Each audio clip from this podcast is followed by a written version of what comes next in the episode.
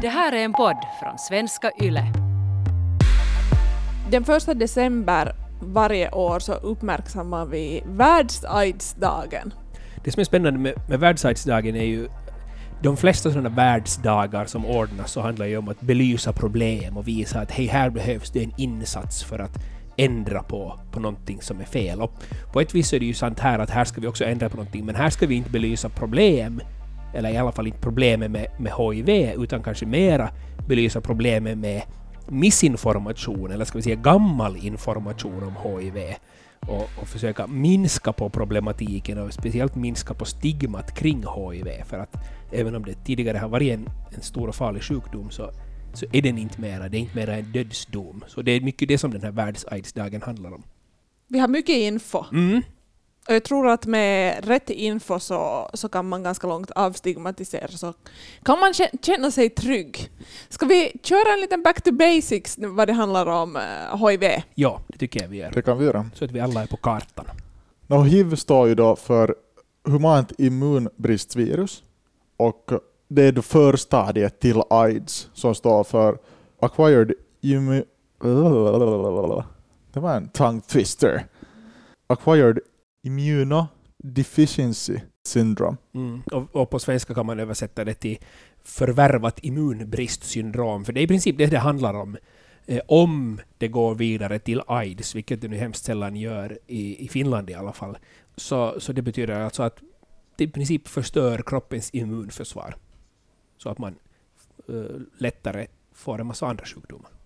Mm. Och vi skulle ju kanske mer prata om liksom det här HIV-viruset, uh, om HIV för att just för att uh, ofta så går det inte mera vidare till AIDS för att man har hittat läkemedel och medicinering som gör att man kan leva ett, ett bra liv. En bromsmedicin är det alltså som, som nu Så finns som helt enkelt bromsar utvecklingen av, av den här viruset. Det finns inget botemedel ännu. Det, man kan inte bli av med HIV, men man kan bromsa det och göra så att det inte utvecklas vidare i kroppen och, och därför kan man leva ett helt normalt liv. Men det är ju fortfarande, finns det ju ett jättestort stigma kring den här HIV och det är det som vi, som vi pratar om alltså på världs-AIDS-dagen, att, att man ska försöka minska det här stigmat kring det. Och jag kan förstå eh, till viss del varför det i något skede har varit en jätte, jättestor grej. Speciellt kanske man förstår det ännu mera nu i och med coronan. Att när det kommer en, ett nytt virus som man inte riktigt känner igen och man vet inte vad det är och det bara sprids och sprids och sprids och en massa människor dör. Man vet inte vad det är för någonting så blir man ju rädd och så börjar det spridas en massa rykten och det börjar spridas en massa information. Viss information är helt rätt, annan är kanske helt fel. Men det var det här som, som hände eh, i USA i början på 80-talet. Mm. Jag tycker annars också att man kanske pratar om andra eh, sjukdomar och smittor som man kan få via sex, men att man pratar kanske ganska lite om HIV, att det finns ganska lite info om det. Eh, om jag tänker sådär, var jag har stött på eh, HIV sådär i största allmänhet, om man inte går in och läser artiklar, så då är det Eh, serier eller filmer och där är det kanske just en sån här stor skräck som ju förstås fanns i samhället då det fanns en, ett virus som kom och tog koll på en massa människor men det lever kvar ännu idag jätte, jättestort. Mm, även om vi är liksom på ett helt annat stadie uh, för tillfället. Men ändå så är det ju ganska, inte det är ju liksom länge sedan 80-talet. Såklart så måste det liksom kännas ännu. Mm. Men på samma sätt så måste man förstå att det här var då. Och vi har kommit en, en god bit på väg sedan dess i att identifiera det här viruset, veta vad det handlar om, veta hur det sprids och speciellt veta hur man kan hindra det från att spridas. Och sen just det med bromsmedicinen som gör att, att eh, man kan leva ett, ett helt normalt liv trots att man har det här. Och en grej som, som jag lärde mig helt nyligen som jag tycker är jätteintressant, jag har en kompis som, som sa, han är HIV-smittad, och han sa att han att nu för tiden till och med så kan man leva ett lite längre liv och ett lite alltså ett friskare liv om man är HIV-smittad. För att den här vården är så bra. Du går på sådana regelbundna checkups för att ta reda på hur du och din kropp mår, så att andra sjukdomar som kanske ligger och, och pyr i, i människor en längre tid, så hittas mycket snabbare hos personer som nu har HIV och, och får vård för det, för att de checkas så ofta. Så att när, när andra eh, människor går till läkaren kanske två gånger på tio år, så går HIV-positiva två gånger per år på checkups där de kollar hela din hälsa. Så du, du kan till och med leva ett hälsosammare liv om du har HIV. Nu låter det som att nu ska vi alla gå ut och skaffa HIV, det ska vi inte göra. Men, det, men, men, från att ha varit en sjukdom som dödar väldigt många, mm. så har det nu blivit en helt annan grej, där man alltså kan till och med må bättre, hitta andra sjukdomar snabbare, genom att man har den här. Så att det, det har ja. liksom svängt om helt och hållet. Så det här stigmat skulle inte behöva finnas kvar mera. Ja, eller i alla fall liksom att, att, eh, att så här sjukvårdspersonal och folk som är proffs tar hand om dig och din hälsa också på ett helt annat sätt än, än så här uh, HIV-negativ då, eller en person som inte har HIV. Mm. Mm. No, det här handlar ju förstås om Finland, sen, sen förstås är HIV ett stort problem i, i många u-länder och så vidare, och det finns jättestora projekt som jobbar med att, att, att råda bot på de HIV epidemierna som finns i olika länder och så vidare. Så att det, vi ska inte få det att låta som att HIV är inte mer är ett stort problem i världen. Men i, i Finland och i västvärlden är det inte, ett, eh, mm. det är inte en, en dödsdom mera på något vis. Ja, om man pratar om Finlands läge så jämställs ju HIV med andra så här obotliga eller kroniska sjukdomar som man har liksom hela livet. En intressant grej med det är att jag, Eh, den här kompisen som jag berättade om som har HIV, så det är inte som att han har döljt det, men han har nog inte gått omkring och berättat det åt alla heller. Men, men eh, han var hemma hos mig och sen så, så lyste hans telefon till. Och då, han fick en, en notifikation i telefonen. Och jag råkade se att det var samma app som jag använder. Jag, jag har ledgångsreumatism, så jag äter medicin varje dag. Och jag råkar säga att han har samma app som påminner honom om att han ska ta medicin, som jag använder, som påminner mig om att jag ska ta med, min medicin. Så jag var bara sådär mm. ”Oj, aj, du har också den där appen! Att, vad, vad har du den för?” Och då berättar han att han har HIV. Så det visar ju liksom på att vi, vi till och med har laddat ner samma app till telefonen för att påminna oss om att vi ska ta medicinen. Så att den är ju på det viset, man förstås appen i sig säger inte att sjukdomarna i sig är lika, men, men de påverkar våra liv på samma sätt. Det vill säga mm. att vi ska komma ihåg varje dag att ta vår medicin och så gör vi det och så mår vi bra. Jag visste inte, eller det var för några år sedan som jag lärde mig att, att just att inte hiv smittar vidare, alltså om man äter medicin. Och då, mig har det inte varit i alla fall någon självklarhet. Mm. Jag tycker också att det är på något sätt viktigt här att säga det att, att man kan ha ett helt vanligt och normalt sexliv. Man kan skaffa familj, man kan studera, man kan jobba. Uh, någonstans läste jag en sån här liten vad heter det, fact om att det finns undantag för jobb. Att till exempel fredsbevarare får man, får man inte vara. Um, eller kan inte bli om man är HIV-smittad. Fråga inte varför, det var inte utförklarat, men det här fanns på Hivpoints sidor. Så det finns liksom vissa sådana grejer som kanske kan begränsa en, men i största allmänhet så väldigt få saker, vilket betyder att, att såklart så som du Dan säger, ni har samma app som blinkar på er telefon som påminner er om, om medicinering och förstås så kan det påverka liksom, kroniska sjukdomar en på, på många olika sätt mm. mentalt också, men så det, i det stora hela så, så funkar allt som, mm. som vanligt. Det finns de här fakta, det finns undersökningarna och det finns forskningen som visar att äter man sin medicin så smittar man inte vidare, men ändå så verkar folk kanske inte ha det på koll. Vad tror ni det beror på att den här informationen inte, inte går ut lika bra som den borde? Jag tror att det är ganska mycket beror på att det inte är så vardagligt. Man känner inte människor som har äh, hiv.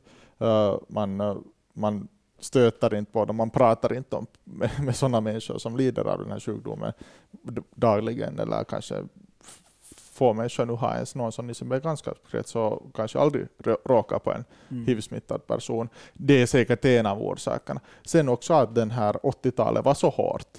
Uh, det fanns en sån uh, den här boomen där man pratar om när den här sjukdomen kom fram var så på något sätt har genomsyrat hela diskussionen om sjukdomen har, tror jag, ganska mycket påverkat också att mycket som man pratar om kommer tillbaka till det 80-talet och sen 90-talet när man kom på bromsmedicinerna. Mm. Men efter den, i västvärlden, efter det här brutit ut, Så man kanske sen fokuser, flytta fokuset till u-länder och prata om deras problematik inom för hiv. Men annars så tror jag det är jättemycket för att vi tänker tillbaka på den här tiden då det, det här ännu var en dödsdom. Mm. Mm.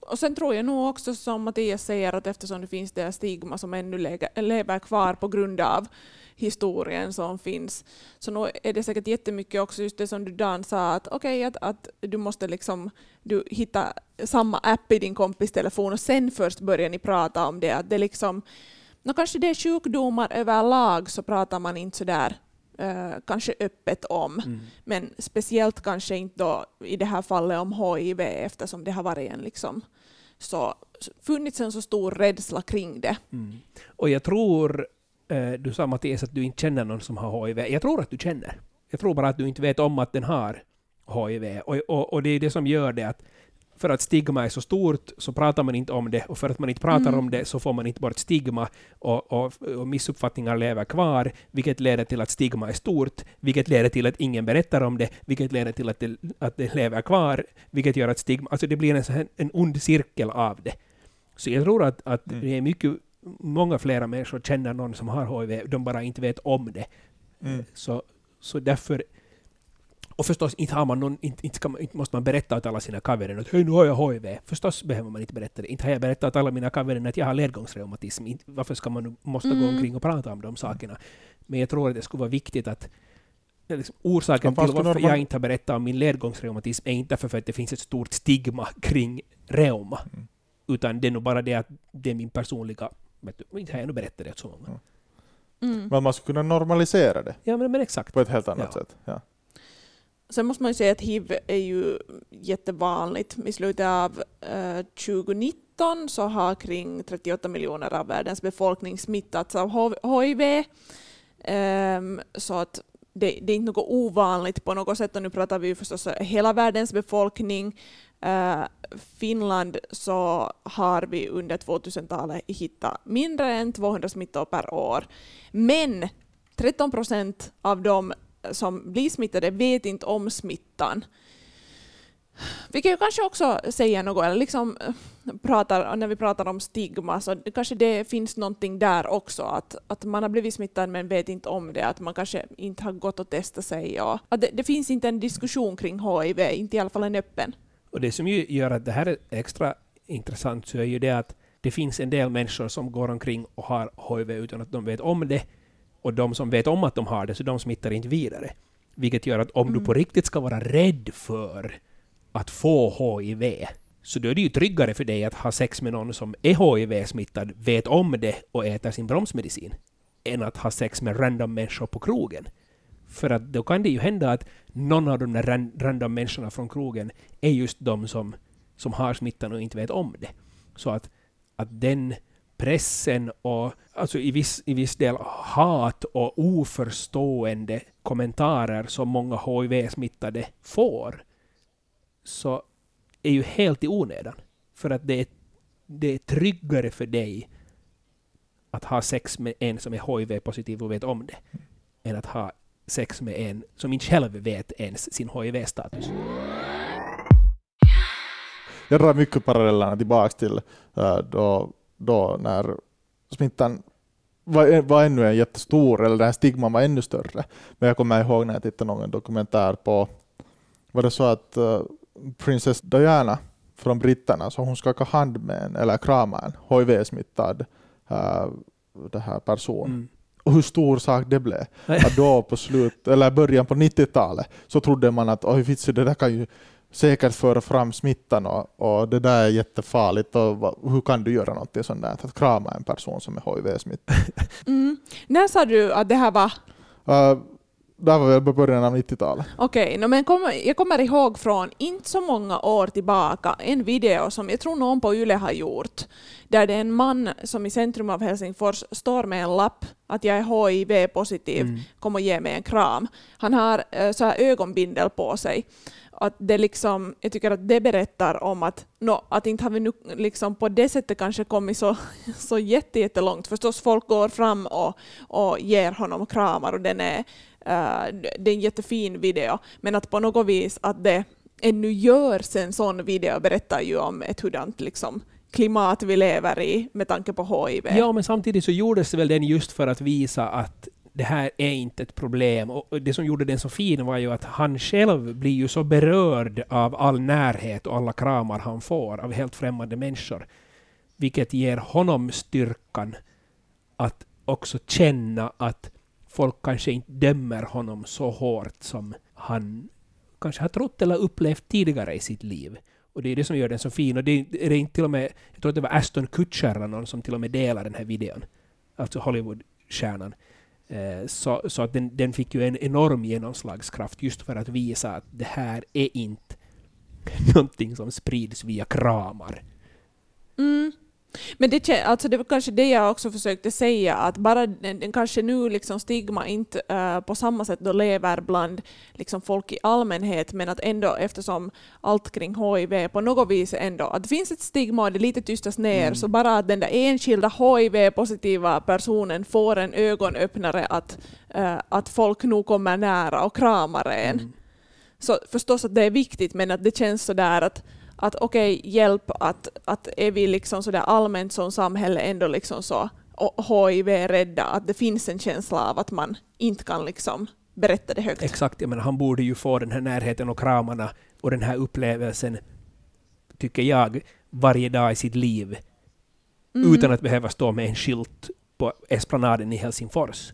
Och när vi nu pratar om kramar så då är det väl en helt självklarhet att HIV inte smittar genom beröring eller kramar eller något sånt. HIV smittar på tre olika sätt, via blod, via slemhinnor och uh, kan också smitta från en HIV-positiv mamma till dess baby.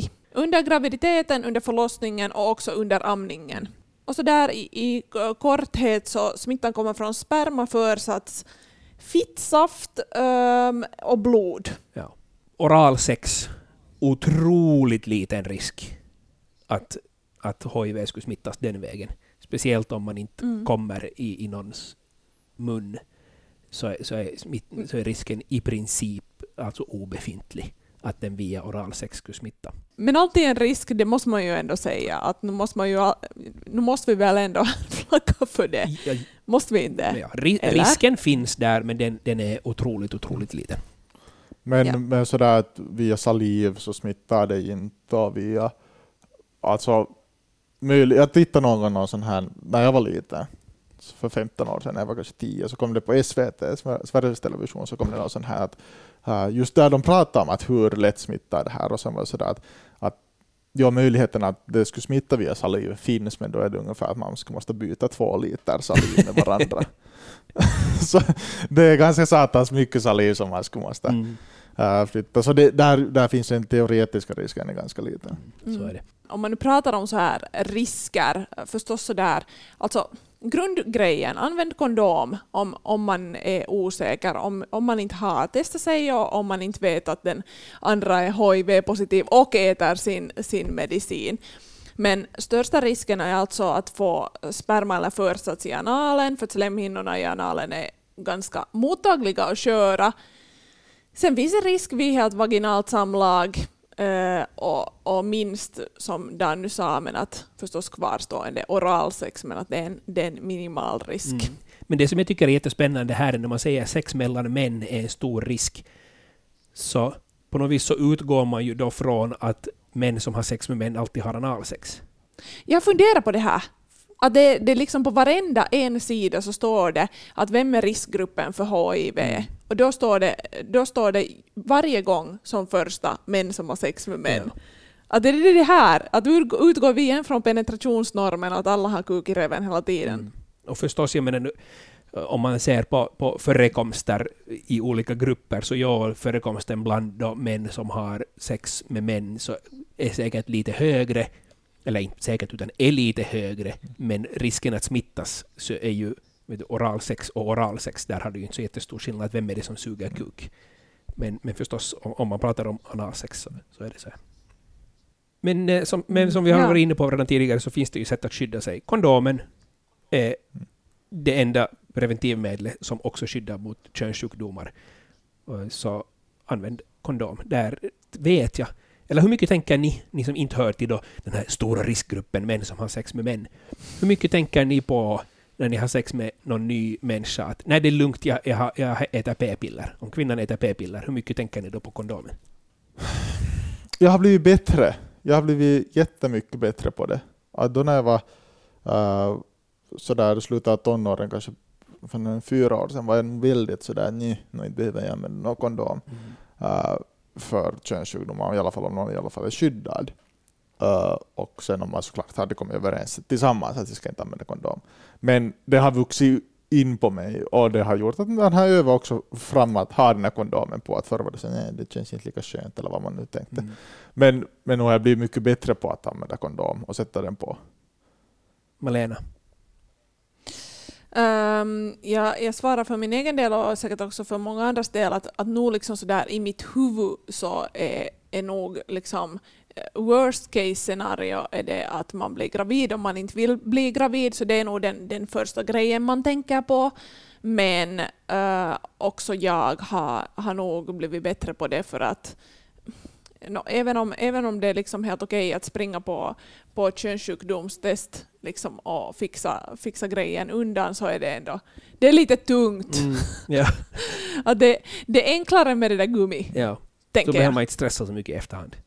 Och sen finns det ju en del eh, mediciner. Det finns på samma sätt som man kan ta ett här dagen efter-piller om kondomen har gått sönder. Så, kan man, så finns det också ett, ett i princip ett dagen efter-piller, men som, som då eh, skyddar, eller i alla fall ökar skyddet, minskar risken för att man skulle smittas av HIV. Men det här handlar om, som jag har förstått det så får man inte den här, den heter PEP, den här medicinen.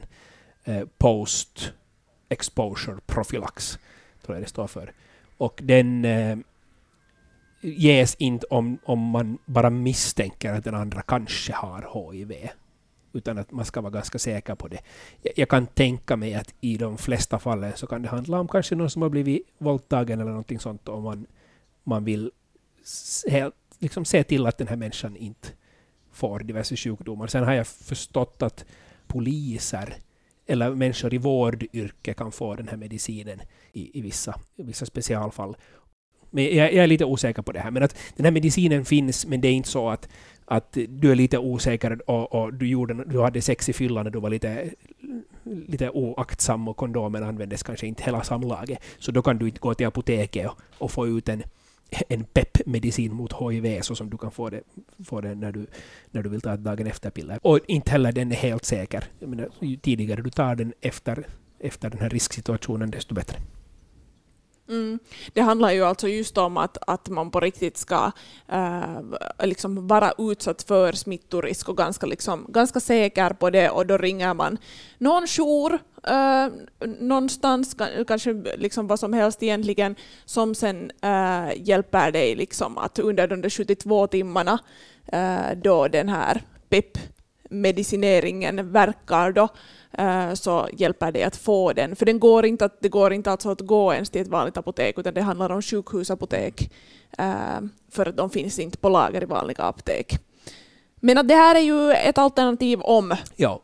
om det riktigt skiter sig. Och den heter PEP. Men sen finns det också något som helt relativt nyligen har kommit till Finland eh, som heter PREP.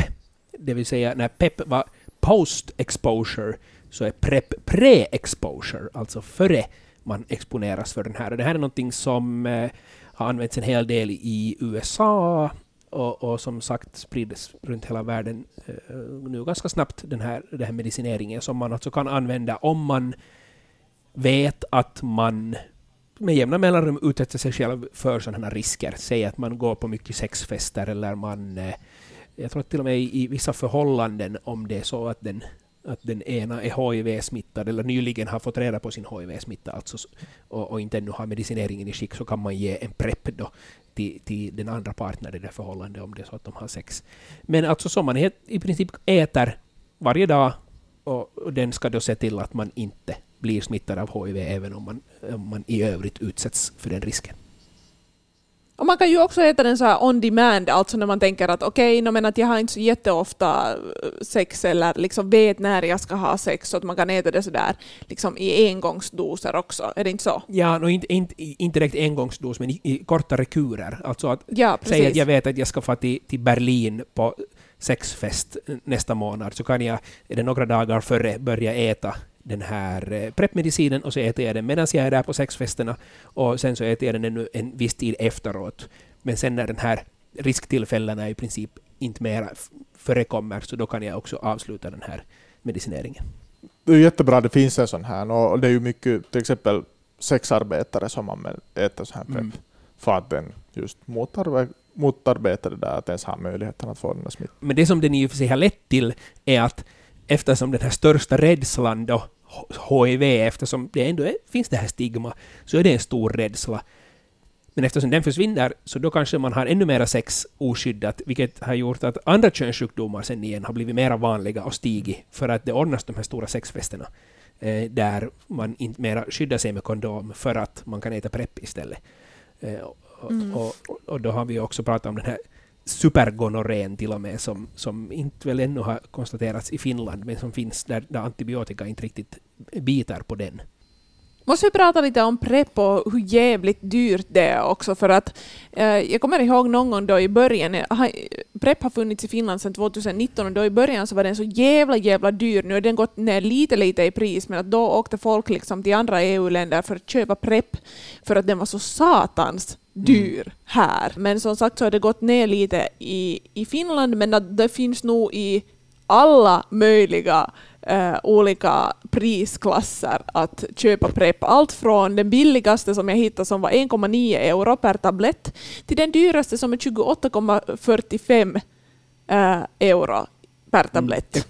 Alltså cirka 2 euro och cirka 30 euro uh, per tablett. Och känner man då att man skulle vilja äta den här PREP, att man eh, ofta hittar sig själv i risksituationer så kan man ta kontakt med exempelvis Hivpoint som finns i Helsingfors, Tammerfors och Uleåborg eller sen prata förstås med, med lokala könssjukdomskliniken om det finns en sån eller sen bara med en läkare. Men, men ju mer specialiserade de är på just de här frågorna så desto lättare kanske det är att få den här medicinen. För att jag vet att inte alla eh, allmänläkare på små hälsostationer kanske är helt insatta i den här problematiken ännu eftersom det är en relativt ny medicin. Så, så det kan vara bra att söka sig till de här specialisterna kring i Finland har vi som sagt eh, det jävligt bra att vara när vi pratar om HIV. Här betalas det för vården och alla har rätt att gå och testa sig för HIV eh, genom till exempel den offentliga sjukvården eh, om man undrar hur det, liksom, hur det går till och är nervös för att gå och testa sig för könssjukdomar så alltså, har vi gjort ett avsnitt om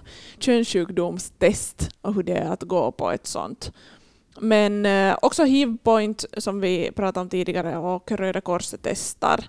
Det som kan vara bra att veta är att man kan inte gå helt när som helst. Att tidigast ska man gå fyra till sex äh, veckor efter den eh, eventuella smittan alltså då när man har haft eh, eh, oskyddat sex. Då.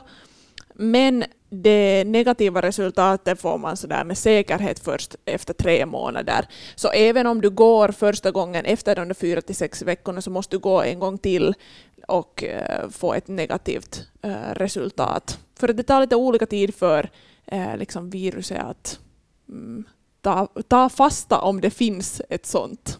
Man kan ju också beställa hem ett test om man inte vill uh, gå och testa sig på någon klinik. Ja! Det kostar sådär uh, 35 till 50 euro. Har du inte gjort det någon gång? För sex och sånt? Ja, vi har gjort, uh, jag har gjort det. Några gånger har jag tagit ett hemmatest. Det är jättesmidigt. Man får svaret på 15 minuter. Um, och så vet man. Så det, det funkar helt bra. Man kan också gå på Hivpoint, som vi sa, det finns i Helsingfors, Tammerfors och Uleåborg. Där kan man gå gratis på test. Eh, om man hör till de här olika riskgrupperna så ordnas det till och med sådana här, nu inte under coronatiden, men sådana walk-in test, att man inte ens behöver boka tid, utan man bara går dit. I Helsingfors brukar det vara på torsdagar, men, men nu så, som sagt med coronan så måste man, måste man boka tid för att alla inte ska sitta där i väntrummet tillsammans och hosta på varandra. Eh, men, men det ordnas alltså också eh, gratis tester för de här grejerna. Och som sagt, man kan gå till sin egen hälsovårdscentral och gratis få ett HIV-test i vissa fall har jag hört att många hälsocentraler är sådär att ah, men har du nu, om du nu inte på riktigt misstänker att du har det så då testar vi nog inte dig. Men du har alltså rätt att få det här testet. Då får man bara stå på sig. Nå, nu har vi ju pratat jättemycket om det här med eh, stigma, att försöka få bort det så mycket som möjligt och, och, det tycker jag att vi alla har en skyldighet att jobba för att få bort det här stigma. Eh, och vi har pratat om hur man kan skydda sig och så vidare, men faktum är ju att i Finland så hittas det ändå ungefär 200 HIV-smittor per år, det vill säga lite mer än varannan dag hittar man en ny smitta i Finland. Så det finns en del HIV-smittade och eh, det finns mycket stöd att få ifall det är så att man är HIV-positiv. Som sagt, HIV-point finns. Det finns en förening som heter Positiviset RY. Och, eh, och man behöver alltså inte vara ensam med den här smittan om man, om man får den. Det som ännu är, tycker jag, eh, är lite dumt och som jag vet att de i Sverige i alla fall nu funderar på, helt i början på det här året så har Socialstyrelsen där föreslagit att man ska ta bort en regel som finns både i Sverige och i Finland och många andra ställen i världen. Men att om man är HIV-positiv så måste man berätta om det för sexpartners. Före du har sex med någon så måste du berätta att, den att du är HIV-positiv. Även om du äter medicinen och är undetectable som det heter, alltså att du har så låga nivåer att, du inte, Eh, att man inte hittar det ens på ett HIV-test. Du kan inte smitta det vidare när du äter din medicin, du måste ändå berätta om det här för en sexpartner. I Sverige funderar de nu på att, att eh, eh kanske ta bort den här regeln. Jag tycker det skulle vara på tiden att ta bort den i Finland också.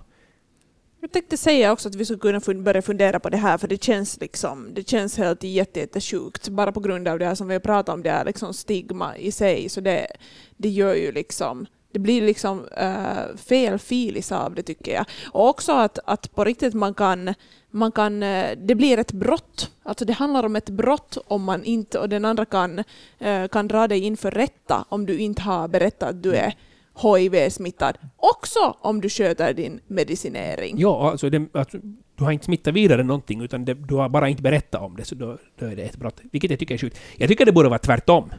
Att om du inte har testat dig för någon könssjukdom överhuvudtaget det senaste året, det tycker jag. Och inte berättar om det. Ja.